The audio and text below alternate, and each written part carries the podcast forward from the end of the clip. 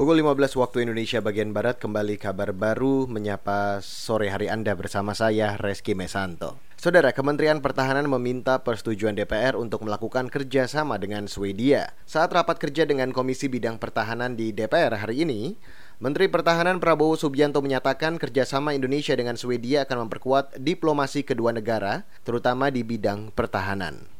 Pengesahan persetujuan ini akan berimplikasi positif terhadap aspek politik kedua negara, yaitu meningkatkan dan memperkuat hubungan bilateral kedua negara, sehingga diharapkan dapat mendorong penguatan kerjasama di bidang lain yang bermanfaat bagi pembangunan dan kepentingan nasional masing-masing negara. Menteri Pertahanan Prabowo Subianto juga meminta DPR segera membahas rancangan undang-undang yang akan dijadikan dasar hukum kerjasama bidang pertahanan dengan Swedia. Sejumlah program kerjasama sudah dirancang, di antaranya pertukaran informasi dan pengalaman tentang isu-isu politik militer dan keamanan maritim internasional. Juga kerjasama industri pertahanan yang mencakup teknologi penelitian, produksi dan pemasaran serta jaminan kualitas hasil produksi industri pertahanan. Beralih ke informasi selanjutnya, Saudara Kementerian Pendidikan dan Kebudayaan masih membatasi bantuan kuota data internet untuk mengakses aplikasi umum seperti YouTube.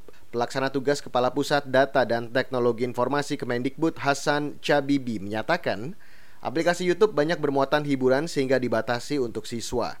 Tujuannya untuk menghindari penyalahgunaan oleh para siswa yang semula ingin mengakses bahan pembelajaran. Banyak pertanyaan yang masuk ke kita, bagaimana dengan YouTube? Kami sadar betul, banyak sekali sumber-sumber bahan belajar yang ada di YouTube. Namun juga banyak entertain dan hiburannya di sana. Kami tidak ingin kemudian pada saat orang mengakses YouTube ini, orang kemudian menjadi salah sasaran. Tapi bukan berarti YouTube ditutup, kan enggak juga. Orang masih bisa mengakses untuk mencari sumber-sumber bahan belajar itu tadi. Itu yang kemarin uh, sempat dalam diskusi kami, dan tapi kami sangat menghargai kok masukan dari kawan-kawan terkait dengan ragam aplikasi-aplikasi yang ada di kuota belajar maupun kuota umum ini.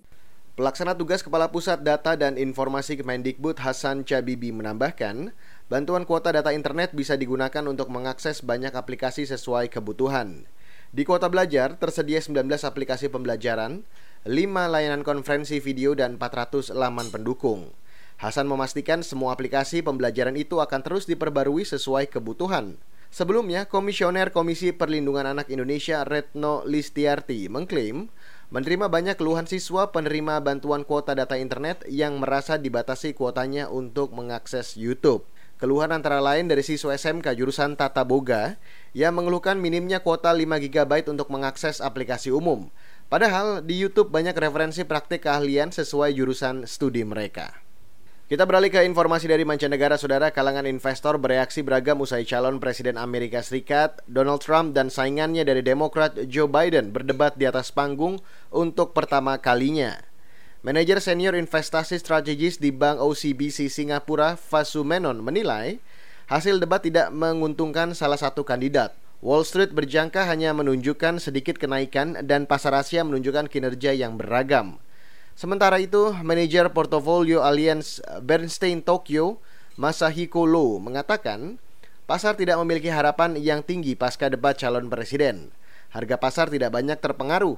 Manajer strategis Bank Sumitomo Tokyo Ayako Sera menilai perpecahan Trump dan Biden menyulitkan pergerakan pasar sekaligus menciptakan banyak ketidakpastian.